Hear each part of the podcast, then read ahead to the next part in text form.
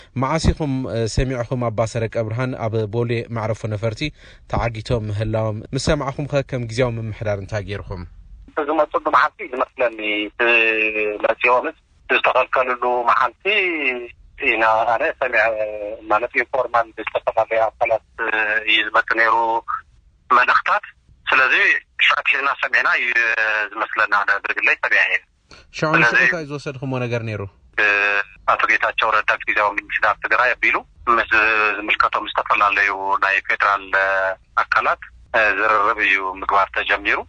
ብስልኪ ኣብ ዝነበረ ዝርርባት ይመፅእ ዝነበረ መልእኽቲ ከም መንግስቲ ንሶም ኣብ ምኽልካል ብዙሕ ዝፍለጥ ነገር ከም ዘየለ፣ ነፋሪት ናቶም ነፋሪት ናብ ናብ ትግራይ ካብ ኣዲስ ኣበባ ናብ ትግራይ ክመፁልና ክመፅሉ ዝነበረ በረራ ሓደ በረራ ከምዘምለጦም ብዝተፈላለዩ ጉዳያት እምበር ኮነ ኢልካ ንምኽልካል ድልየት ከምዘየለ ናብ ትግራይ ክኸዱ ከምዘይተኸልከሉ ዝመስል መልስታት እዩ ንኣይቶ ጌታቸው ረዳ ይወሃቦ ነይሩ ብተደጋጋሚ ያው ንፅዕር ፀኒና ድሓር ኣብ መወዳእታ ኣቶ ጌታቸው ረዳ እውን ናብ ኣዲስ ኣበባ ካሊእ ስራሕ እውን ነይርዎ እዚ እውን በዓል ዓብዪ ስራሕ እዩ ናብ ኣዲስ ኣበባ ከይዱ ኣብ ኣዲስ ኣበባ ኮይኑ እውን ምስ ዝምልከቶም ኣካላት ዝርርብ ገይሩ ግን እቲ ስራሕ ካብ ላዕሊ ብዘይረኣ መንገዲ ኣብ ታሕቲ ግን ውስብስብ ገይረምዎ ዳሕታ ኤርፖርት ኮይና እታ ስራሕ ማለት እዩ ምስ ዝኾነ ናይ ፌደራል ኣመራርሓ ኣካላት ትዘራረብ ፀገም የለን ዝብል መልሲ ሂብዎ። ግን ኣብታ ትፍጸመላ ቦታ ግን ተቆሊፋ እያ። ማለት እዙይ ዝገብሮ መን እዩ ዝብል ኣነ ሕዚ እከለ ክብል ግልጺ ኣይኮንኩን ግን ተቆሊፋ በቃ። መወዳእትኡ ንባዕሎም እውን ተደሊኹም ናብ ናብ ከተማ ናብ ኣዲስ ኣበባ ውጹ ናብ ትግራይ ግን ኣይትኸዱን ዝብል ዘረባታት ተዘሪብዎም ብተደጋጋሚ እየ ዝድውለሎም ነይረ ለይትን ቀትርን ማለት እዩ እቲ ኩነታት ክፈልጥ ምኽንያቱ ንዝምልከቶም ኣካላት እውን እቲ ሓበሬታ ንምሃብ ንጌታቸው እውን ሓበሬታ እናሃብኩዎ እሱ እውን ኣብ ኣብ መወዳእታ ከባቢ ባዕሉ እውን ብቐጥታ ይድውለሎም ነይሩ ይድውልሉ ነይሮም ኣብ ኣዲስ ኣበባ ከይዱ እውን ብተደጋጋሚ ደዊሉሎም ነይሩ እቲ ስልኪ ድሓር ኣይሓዝዎን ነይሮም ይመስለኒ ኣይለዓልሉን ብዝኾነ በቲ በለ በዚ ከም ንሕና ከም ግዝያዊ ምምሕዳር ትግራይ ምስ መንግስቲ ፌደራል ብምርድዳእ ብምዝርራብ እቲ ፀገም ክፍታሕ ፃዕርታት ተገይሩ እዩ ምኽንያቱ እዚ ናይ ውልቀ ሰብ ጉዳይ ዘይኮነስ ባይ ዘ ወይ እዞም ኣቦ እዚኦም ሕርዮም ፍሉጥ ስለ ዝኾኑ ናይ ሃይማኖት መራሒ ስለ ዝኾኑ ጎሊሆም ዝወጹ ሕርዮም ዝፍለጡ ስለ ዝኾኑ ኣብኦም ዝበጽሐ ከም ዝበለ ምንቅልባት ተሃርዩ ሚድያ ረኺቡ ሕርዩ ተፈሊጡ እምበር ዋላ ናብ ዝነበሩሉ ዓዲ ዝተመለሱ ኣይፍለጥ ኣብ ቦሌ ኤርፖርት ዝግበር ምንግልታት ብጣዕሚ ሰፊሕ እዩ። ሰፊሕ እዩ ብጣዕሚ ኣብ ልዕሊ ተጋሩ ዝግበር ምንግልታዕ ማለት እዩ ብዙሓት ሰባት ፓስፖርትና ተመንጢልና ኢሎም እናደወሉለይ ዝውዕሉ ብዙሓት እዮም በቃ ዝኾነ ናይ ሰኩሪቲ ሰብ ፓስፖርት ይምንጥሎ የንከላብቶ በቃ ጥርዓን ኣብ መንከራ ዝውዕል ሰብ ብጣዕሚ ብዙሕ እዩ ከምዚ ዝበለ ትግራዋይ ምዃኑ ማለት እዩ። እዚ ዝፍጽሞ ዘሎ ብከም መንግስቲ ብዝወሃብ መምርሒ ድዩ ኣብኡ ዘለዉ ናይ ሰኩሪቲ ሰባት ካብቲ ዓዲ ብዘሎ ናይ ፖለቲካ ኩነታት ቢሎም ሕዚ እውን ኣብ ናይ ሰኩሪቲ ኣፓራተስ ዘለዉ ካብ ኣምሓራ ዝውለዱ ወይ ናይ ኣምሓራ ሊሂቃንን ናይ ኣምሓራ ሰበ ስልጣንን ድዮም ዝገብርዎ ዘለዉ ወይስ ብመንግስቲ ፌደራል ዝምራሕ እዩ ዝብል ምምርማር ዘድልዮ እዩ ግን ከም ዝበለ ምንቅልባት ከም ዝበለ ምንግልታዕ ኣብ ልዕሊ ተጋሩ ዘሎ እዩ ስለዚ እፍቶም ኣቦ እውን ከምኡ በለ ከም ዝበለ ምንግልታዕ ምስ ተፈጠረ ማለት ኣዕጋቢ ዘይክኸውን ይኽእል ማለት ዓቕሚ ድሌትካ ክትገብር ዘይትኽእለሉ ግዜ ኢና ዘለና ብዙሕ ፀገማት ኣሎ ኣይኮነን ይትረፍ ኣብ ልዕሊ ሓደ ትግራዋይ ኣብ ሓደ ሰብ ዝኾነ ኣይኮነን ካልኦት ፀገማት ኣብ ልዕሊ ተጋሩ ዘሎ እውን ብምርድዳእን ብምምኻርን ክትሕለፉ ክትፍትሑ ዝግበር ፃዕሪ ማንም ሰብ ዝርድኦ እዩ። ስለዚ ጻዕርታት ተገይሮም እዮም። እኹል እዩ እኹል ኣይኮነን ያው ብመጠኑ ክግምገም ዝኽእል ነገር ክኸውን እዩ ግን ጻዕርታት ገይርና ኢና።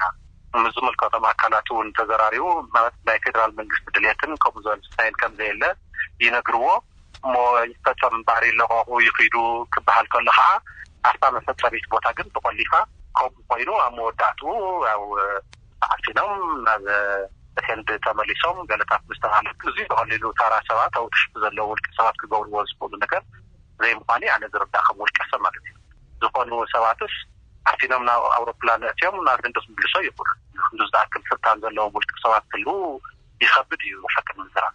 ስለዚ ካብ ድልየት መንግስቲ ወፃኢ እዩ ተፈፂሙ ክትብሎ እውን ኣነ ከምኡ ኢለ ክኣምን።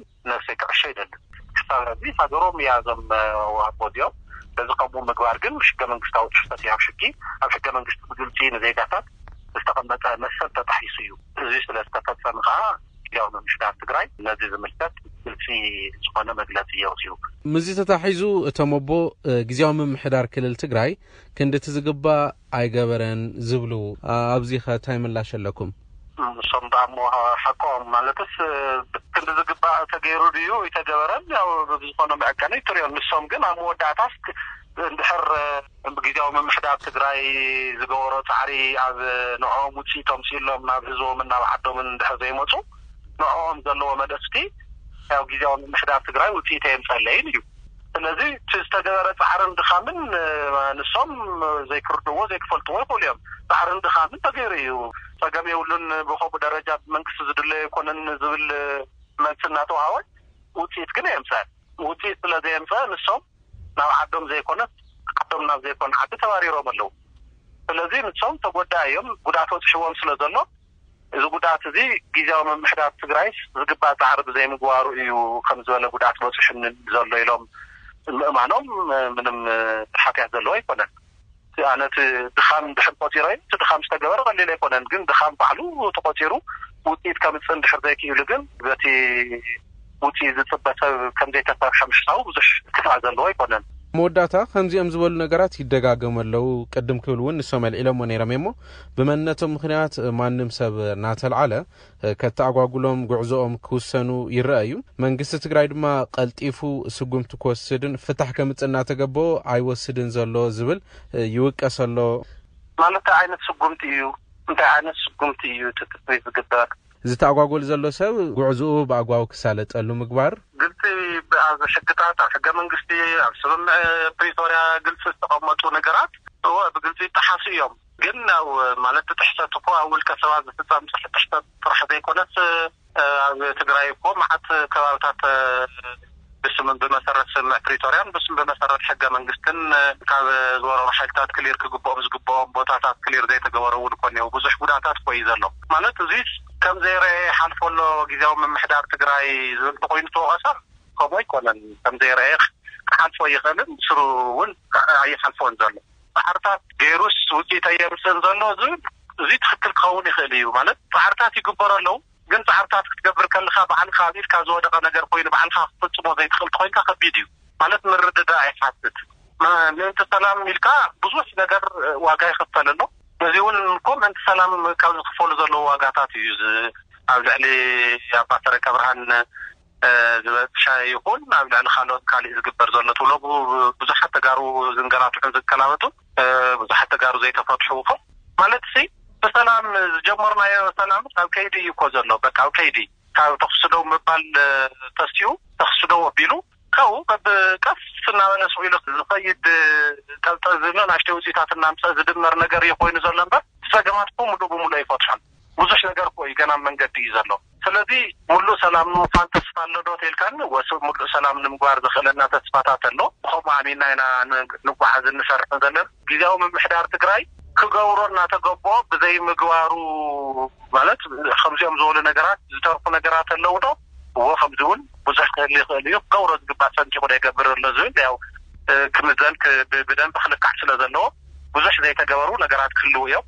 እቶም ዝገብሮም ጻዕርታት ኩሎም ብደንቢ ብካሊእ ኣካላት ተቐባልነት ረኺቦም ምስ ኣፈጻጽምኦም ጸገማት ዶ ኣሎ ብጣዕሚ ብዙሕ ጸገም ኣሎ ብጣዕሚ ብዙሕ ጻዕሪ እናተገበረ ብዙሕ ዝርርብ እናተገበረ ግን በታ ንደልያ መጠን ኣብዚ ከምዚ ዘበሉ ጸገማት ዝፈትሕ ለውጥታት ምልእ ኢሉ ዘይምምጽኡ ከኣ ብዙሕ ጸገማት ኣሎ። ዋእ እቶም ዝግበሩ ጸዓርታት ዝተወሰኑ ለውጥታት ከ የምጽኡ ዶ ኣለዉ ተልካ ኣሎ ከኣ ለውጥታት ስለ ዘለዉ ኣን ንሳን እኳ ከምዚ ኢልና ነውግዕ ኣለና ማለት ከምኡ ዝበለ ተስፋ እውን ኣሎ። ስለዚ ኣዕሪኻ ክተጸልምቶ ትኽእል ነገር እውን ኣይኮነን። ምሉእ ብርሃን ከም ዝኾነ ምሉእ ሰላም ከም ዝኾነ ዝግበሩ ስራሕቲ ብምሉኦም ውጽኢት የምጽኡ ኣለዉ ምሉእ በቃ ብዝግባእ ጸዓርታት ይግበር ኣሎ ዝብል ዲስኩር እውን ንሱ እውን መልክዕ የብሉን ጌጋ እዩ።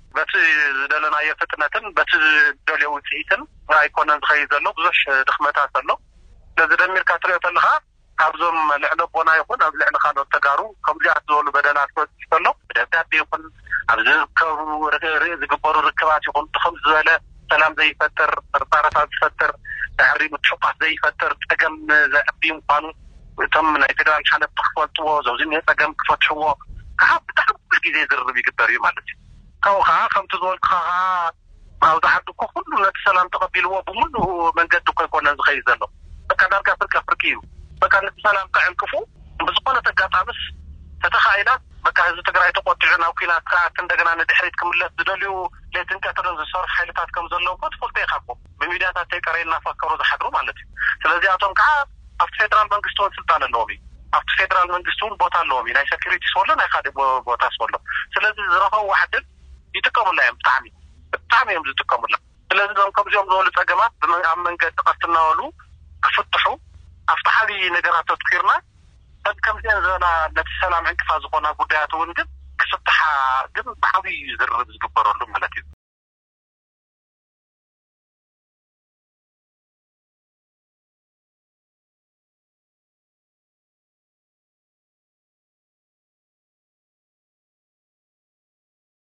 ረቡዕ ምሸት ከምቲ ዝበልኩኺ ከይድና ትጽቢት ኣምሲናዮም ምናልባት ተሰደድዎም ኢልና ንመቐለ ማለት እዩ ብድሕሪኡ ኣይሰደድዎምን ሓዲሮም ብጽባሒቱ ሓሙስ እውን ስካዕ ፋዱስ ውዒሎም ድሕሪኡ በቃ ግድን ናብ ሕጊ ክንወስዶ ኣለና እዚ ጉዳይ መፍትሒ የብሉን ብምባል ድሕሪ ሰዓት ሓሙስ ናብ ሕጊ ወሲድናዮ ናብ ቤት ፍርዲ ወሲድናዮ ክሲ መስሪትና ማለት እዩ። ዝኸሰስናዮም ኣካላት ንመን እዮም ነይሮም? ሓደ ናይ ኢትዮጵያ ናይ ድሕንነት ኣገልግሎት መበል ካልኣይ ድማ ኢሚግሬሽን ኣገልግሎት እዮም ነይሮም። ሰባት ነይሮም ዶ ዘዘራረብኩሞም ቅድሚኡ? ምናልባት ትዓግትሉ ምኽንያት ንምፍላጥ ፈቲንኩም ነይርኩም ዶ? ኣብታ ኤርፖርት ኸይድና ኣና ፈቲንና መጀመርያ ማለት እዩ ግን እወ። ከእትዉና ኣይከኣሉን ከራኽቡና እውን ኣይከኣሉን መን እዩ ምናልባት እውን ኣድላይ እንድሕር ኮይኑ ምስቲ ነቲ ዕገታ ወይ ከዓ ነቲ ጠጠው ዘበሎም ኣካል ዝመርሕ ኣካል ናይ ጸጥታ ኣካላት ኣራኽቡና ኢልናዮም ዘራኽበና ዘዛርበካ የለን ኣብ መጨረሻ ኣማራጺ ምስ ሰኣና ሓሙስ ድሕሪ ሰዓት ማለት እዩ ናብ ቤት ፍርዲ ናብ ፌደራል መጀመርያ ደረጃ ፍርዲ ቤት ኣራዳ ምድብ ዝብሃል እኒሀ ኣብ ኣዲስ ኣበባ ናብኡ ክስ ኣእቲና ክልተ ጉዳያት ተጣሒሶም ኢልና ኢና ክስ ኣእቲና እቲ ሓደ ኣብ ሕገ መንግስቲ ኢትዮጵያ ዓንቀጽ ዓሰርተ ሸውዓተ ዝተቐመጠ ናይ ነጻነት መሰል እዚ ማለት ተዓጊቶም ብዝብል ኣብቲ ኤርፖርት ተዓጊቶም ተታሒዞም ስለዘለዉ ብዘየግባብ ስለዝተታሓዙ ዝብል ናጽነቶም ወይ ከኣ ካብ ዝተታሓዙሉ ቦታ ክልቀቑ ዝብል እዩ። መበል ካልኣይ ድማ ኣብቲ ሕገ መንግስቲ ዓንቀጽ ሰላሳን ክልተን እዝባር ክልተን ሰለስተን ዝኾነ ኢትዮጵያዊ ካብ ወጻኢ ሃገር ናብ ዓዱ ናይ ምእታው መሰል ከምዘለዎ የቐምጥ። ቀጺሉ እውን ኣብ ዓዱ ምስ ኣተወ ናብ ዝደለዮ ቦታ ናይ ምንቅስቓስ መሰል ብዘይ ገደብ ኣብ ውሽጢ እቲ ዓዲ ናይ ምንቅስቓስ መሰል ኣለዎ ኢሉ ብግልጺ የቐምጥ፣ ሕገ መንግስቲ ማለት እዩ። ካብዚ ብተወሳኺ እውን ኢትዮጵያ ፈራሚት ዝኾነትሉ ናይ ICCPR ዝበሃል ወይ ከዓ ዓለም ለኸ ናይ ሲቪልን ፖለቲካውን መሰላት ዝብል ኢትዮጵያ ፈሪማ ሕገ መንግስታ እውን ዘፅደቐቶ ምናልባት ኣድላይ እንተኾይኑ ኣብ ዓንቀፅ ዓሰርተ ሰለስተ ኣካል ናይቲ ሕገ መንግስቲ እዩ ኢላ ዘቐመጠቶ ብተመሳሳሊ እዩ ዘቐምጥ ማለት እዩ። ዝኾነ ዜጋ ናብ ዓዱ ኣትዩ ናይ ምንቅስቓስ መሰል ከም ዘለዎ፣ ናብ ዓዱ እውን ናይ ምእታው መሰል ከም ዘለዎ የቐምጥ። ስለዚ እዞም መሰላት እዚኦም ተጣሒሶም፣ ተታሒዞም ስለ ዘለዉ ብምባል ኣካል ነጻ ምውጻእ ወይ ከዓ ሃብያስ ኮርፐስ ዝበሃል ክሲ ብመሰረት ፍትሃብሄር ስነስርዓት ሕጊ ቁጽሪ ሚእትን ሰብዓን ሸውዓተን ናይ ኢትዮጵያ ፍትሃብሄር ስነስርዓት ማለት እዩ ክሲ ክነቕርብ ክኢልናና ናብቲ ዓንተው እተጠቐሰ ፍርድ ቤት ማለት እዩ። መሰል ደቂ ሰባት ኣመልኪቱ እንታይ እዩ ዝብል ኣብዚ ጉዳይ እዚ ሕገ መንግስቲ ኢትዮጵያ? ዌል ሕዚ ከምቲ ጠበቓ ተስፋኣለም ዝበሎ በዚ ኣጋጣሚ ያው ስንኾም ዝመልሰሉ ሰባት ድሕነቶም እውን ኣብ ሓደጋ እናእተዩ ንሰባት ዘድልዮም ናይ ሕጊ ሓገዝ ንምግባር ጠጠው ምባሎም በዚ ኣጋጣሚ ኣነ እውን ከም ሓደ ትግራዋይ ከም ሓደ ውልቀሰብ ከመስግኖ ይፎቲ በዚ ኣጋጣሚ ማለት እየ።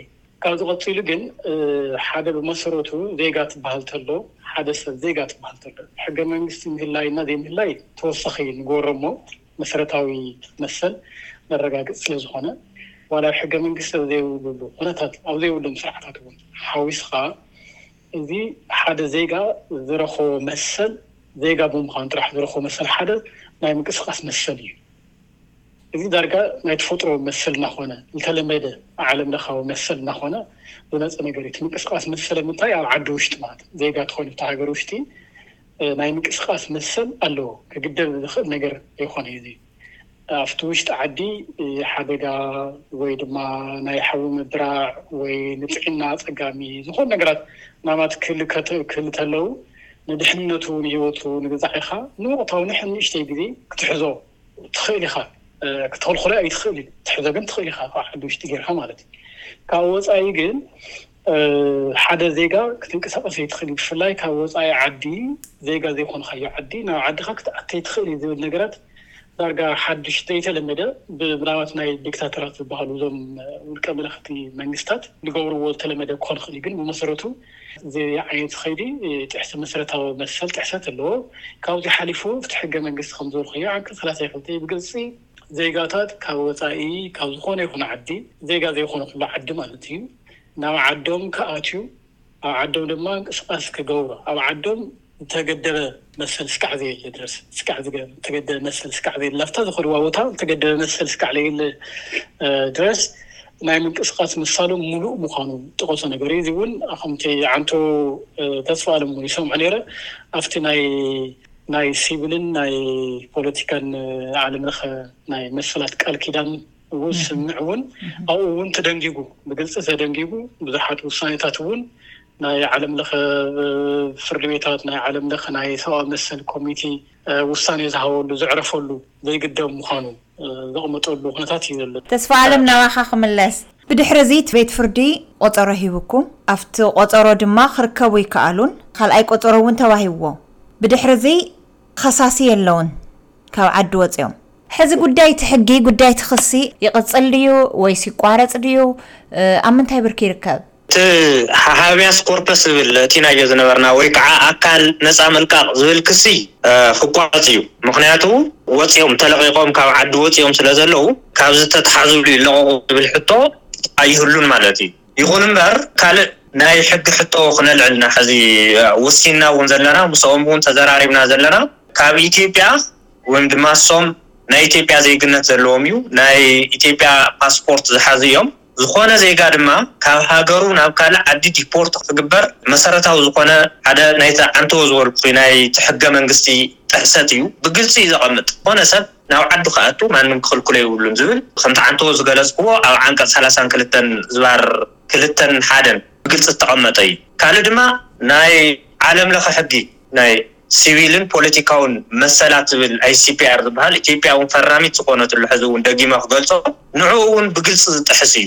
ስለዚ እዚ ጉዳይ እዚ ኣብ ኣባ ሰረቀብርሃን ጥራሕ ተይኮነ ንቀፃሊ ንካልኦት ሰባት እውን ተጋሩ ክኾኑ ይኽእሉ ኢትዮጵያውያን ክኾኑ ይኽእሉ ዓዲ ክንከይኣትዉ ብቀሊሉ ወይ ከዓ ናይ ፀጥታ ኣካላት ካብ ሃገሮም ናብ ካልእ ዓዲ ዲፖርት ምግባር ወይ ከዓ ከባርሩ በሪ ዝኸፍት ወይ ከዓ ፕሪሲደንስ ዝቕመጥ ስለ ዝኸውን ነዚ ክንሰብሮ ወይ ከዓ ክነዐርዮ ስለ ዘለና ሓድሽ ክሲ ንምኽሳስ ወይ ከዓ ክሲ ንምኽፋት ኢና ሓሲብና ዘለና። ስለዚ ከም ሓድሽ ናብ ፌደራል ከፍተኛ ፍርድ ቤት ወይ ከዓ ማእኸላይ ፍርድ ቤት መሰረታዊ መሰላት ችሎት ዝበሃል ኣሎ ናብኡ ንምቕራብ ኣብ ምድላው ንርከብ ማለት እዩ። ምናልባት ኣብቲ ሕገ መንግስቲ ንዝተፈላለዩ ምኽንያታት ኢሉ ምናልባት ከምቶም ንኣባ ሰረቀብርሃን ዝተፈጸሞም ሓደ ኢትዮጵያዊ ዜጋ ኣውጺእኻ ንደገ ምልኣኽ ምምላስ ናብ ዝመጸሉ ምምላስ ወይ ድማ ዓጺኻ ዓጊትካ ሒዝካ ምጽናሕ ከምኡ ከትገብር ዘኽእል ምናልባት ገለ ክፍተታት ዶ ይህልዎ? ሕዚ ታይ እዩ ኣብቲ ኣብ ዓዲ ውሽጢ ተኾይኑ ኣብ ዓዲ ውሽጢ ተኾይኑ ካብ ናብ ብእተእተ ኣዋጅ ተሃልዩ እቲ ዕጥቂ ኣዋጅ ተሃልዩ ወይ ዲክላረሽን ኦፍ ኢመርጀንሲ ዝበሃል ኣብ ሓደ ከባቢ ወይ ናይ ሓዊ ባርዕ ወይ ልዑል ዝኾነ ናይ ማሲቭ ዝኾነ ናይ ጥሕሰት ሰብኣዊ መሰል ተሃልዩ ወይ ውግእ ተሃልዩ ኣብቲ ከባቢ ኩነታት ሓደ ሰብ ካብ ሓደ ቦታ ናብ ካሊእ ቦታ ንከይንቀሳቀስ ልንእሽተይ ግዜ ክግደብ ክእል እዩ እቲ ኩነታት ኣብ ቁፅር ስካዕ ዝውዕሉ ማለት እየ ንድሕንነቱ ተባሂሉ ማለት እዩ። ንድሕንነቱ ተባሂሉ ንድሕንነቱ ተባሂሉ ክግደበሉ ዝኽእል ዕድል ኣሎ።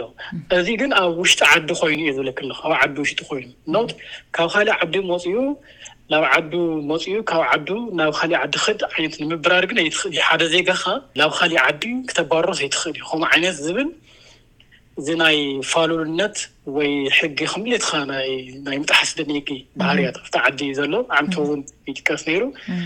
ዝኾነ ይኹን መንግስቲ እየ ዝብለኪ ዝኾነ ይኹን መንግስቲ ኣብ ዝኾነ ይኹን ዓዲ ለሎ መንግስቲ ዘይጉ ናብ ካሊእ ዓዲ ኣሕሊፉ ክህብ ከባርር ተሃቦ መሰል የለይ ዋላ እኳ ገበን እኳ ተፈፂሙ ኣብ ካሊእ ዓዲ ዋላ እኳ ገበን ተፈፂሙ ከምኡ ዓይነት ናይ ምብራር ኩነታት የለይ ኣብ ዓዲ ውሽጢ ክኸሰሰሉ ክሕተተሉ ዝኽእል መንገዲ እዩ ክፍጽም።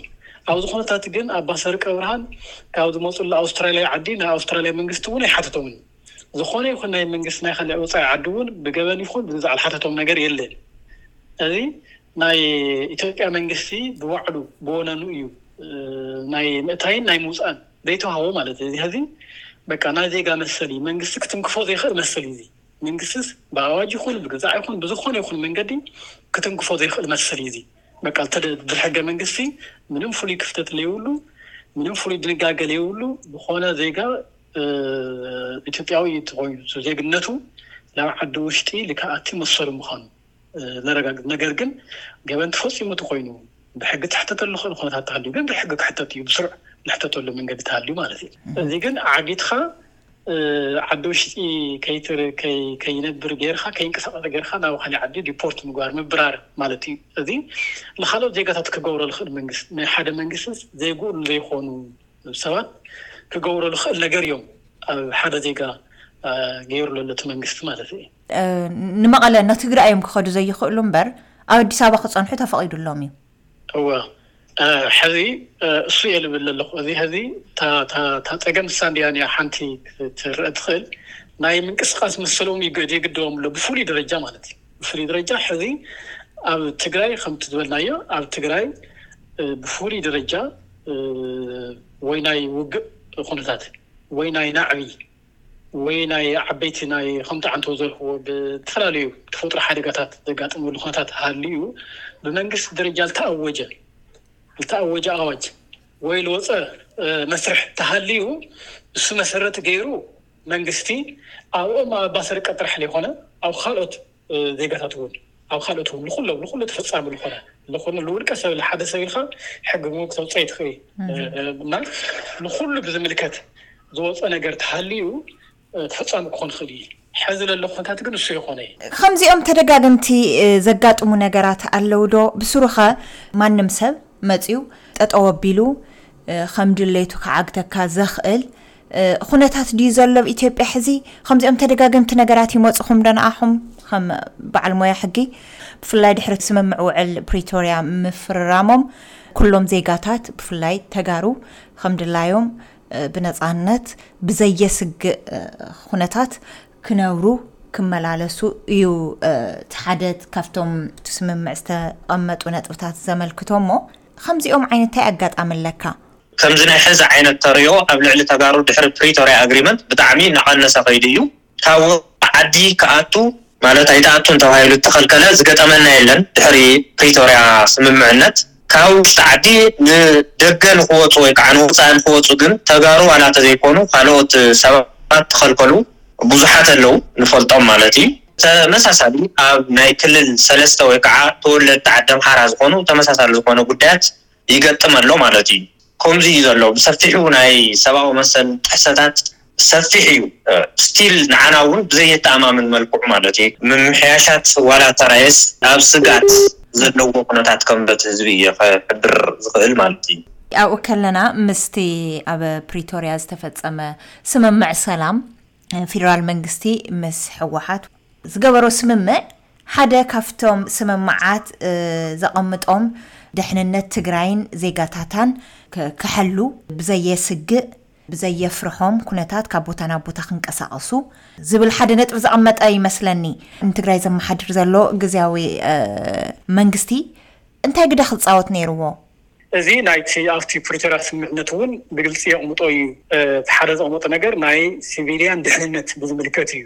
ሲቪልያን ኣብዚ ውግእ እዚ ብጠቕላላ ናብ ሓደጋ ዝወደቕሉ ናይቲ ግዳይ ዝኾነሉ ኩነታት ስለዝኾነ እዚ ክለዓል ፈፂሙ ክለዓል ሰርቪስ እውን ተዓፅዩ ዝነበረ ሰርቪስ እውን ክኽፈት ዝብል ሰርቪስ እቲ ትራንስፖርት እውን ሓዊስኻ ማለት እዩ፣ ምንቅስቓስ እውን ሓዊስኻ እዩ እሱ ዝብሎ እና እዚ እዚ ብምልኡ ተግባራዊ ኣብ ምግባር እቲ ናይ ትግራይ መንግስቲ ዝወሰዶ ቅዋም ኣነ ብዝመስለኒ ሕዚ እቲ ሓደ መንግስቲ እቲ ብፌደራል መንግስቲ ዝለሎ ወሃቢ ከላኢ ዓይነት ነገር ኮይኑ እቲ ናይ ትግራይ መንግስቲ ደሞ ናይ ምልማን ናይ ምሽምጋል ናይ ምፍራሕ ዓይነታት ባህርታት ዜጋታቶም ምሕላው ኣብ ምጥባቕ ዘይኮነ ናይ ምሙድማድ ልበሃል ነገር እኒኤ ከይኮነይ ዓይነት ነገር ባህሪ እዩ ሒዙ ተላዊሱ ፀኒሑ። ዳርጋ ሰማዒ እውን እናሰኣነ ከምኡ ዓይነት ባህርያት ስለዘሎ ምክንያቱ እቲ ወሃቢ ኻልኣይ ዓይነት ኾይኑ ኣሎ እቲ ዋላ እቲ ፕሪቶርያ ኣግሪመንት ንኡ እውን ባይንድ ልገብር ንኡ እውን ልገዝእ ኾይኑ እናሃለየ ግን እሱ ተወሰነ መሰል ይህብ ተደለየ ይኸልእ ተደለየ ይዓፅያ እቲ ትግራይ መንግስቲ ድማ ናይ ምሽምጋል ናይ ምልማን ናይ በይዛኹም ዶ ዓይነት ናብ ነገር ናብ ምግባር ጠቕሊሉ በቃ ናብ ገዛ ዜጋታቱ ዝበፅሕ ፅዕንቶ ኣብ ተጋሩ ብፍላይ ዝበፅሕ ፅዕንቶ እውን ከምዘይበፅሐ ስኡልካ ብኣርምሞ ሱቕ ብምባል ንምሕላፍ ኣብ ካሊእ ትኹረት ናብ ምግባር ናይ ምድላይ ዓይነታት እኒኦ ብትግራይ ወገን እና ኣብ መሰል ኣሰርተ ምግባር ዘይኮነስ ናይ ምሕዋይ ዶ ናይ ምልማዕ ገለታት ዶ እዚኦም ኢምፖርታንት እዮም ግን መሰረታዊ መሰላትኻ ግን እናዘንጋዕኻ እናገደፍኻ ሰብ ክውቃዕ ተሎ ክጉዳእ ተሎ ሱቕ ኢልካ ጺጥካ ከም ዘይሰማዕካ ናሕለፍካ ይኾነ እዩ ክኾን ዝኽእል ከምኡ ዓይነት ኣካይዳ ንናይ ባዕልካ ሰብ እውን ኣይጠቕሚ ካልኦት ሰባት እውን ልክ ኣይግደሹልካን ማለት እዩ ኣብ ኸይዲ ብባዕሉ ተልዒሉ እቲ ስምምዕ ዝሃቦ ስልጣን መሰረት ገይሩ ኣሰርት ዝገበረሉ ኩነታት ኣይረኣይን እዚ ሓደ ኣብነት ክኾን ይኽእል እዩ ግን ብዙሓት እዮም እቶም ምኽንያታት ዝገልጸልካ ማለት እዩ። ኣባ ሰረቀብርሃን ተመሊሶም ከይዶም ኣለው። ናታትኩም ናይ ክሲ መበገሲ ድሕሪ ሕዚ እንታይ እዩ ክኸውን? ምናልባት ካሕሳ ትሓቱ ዲኹም? እቲ ከምቲ ዝተባህለ ኣብቲ መገዲ ኣየር ንመዓልታት ብዘይ ምግቢ መሰሎም ተነፊጎም፣ ምቾቶም ተነፊጎም እዮም ጸኒሖም። እንታይ እዩ ሕቶኹም ክኸውን? እንታይ እዩ ክስኹም ክኸውን?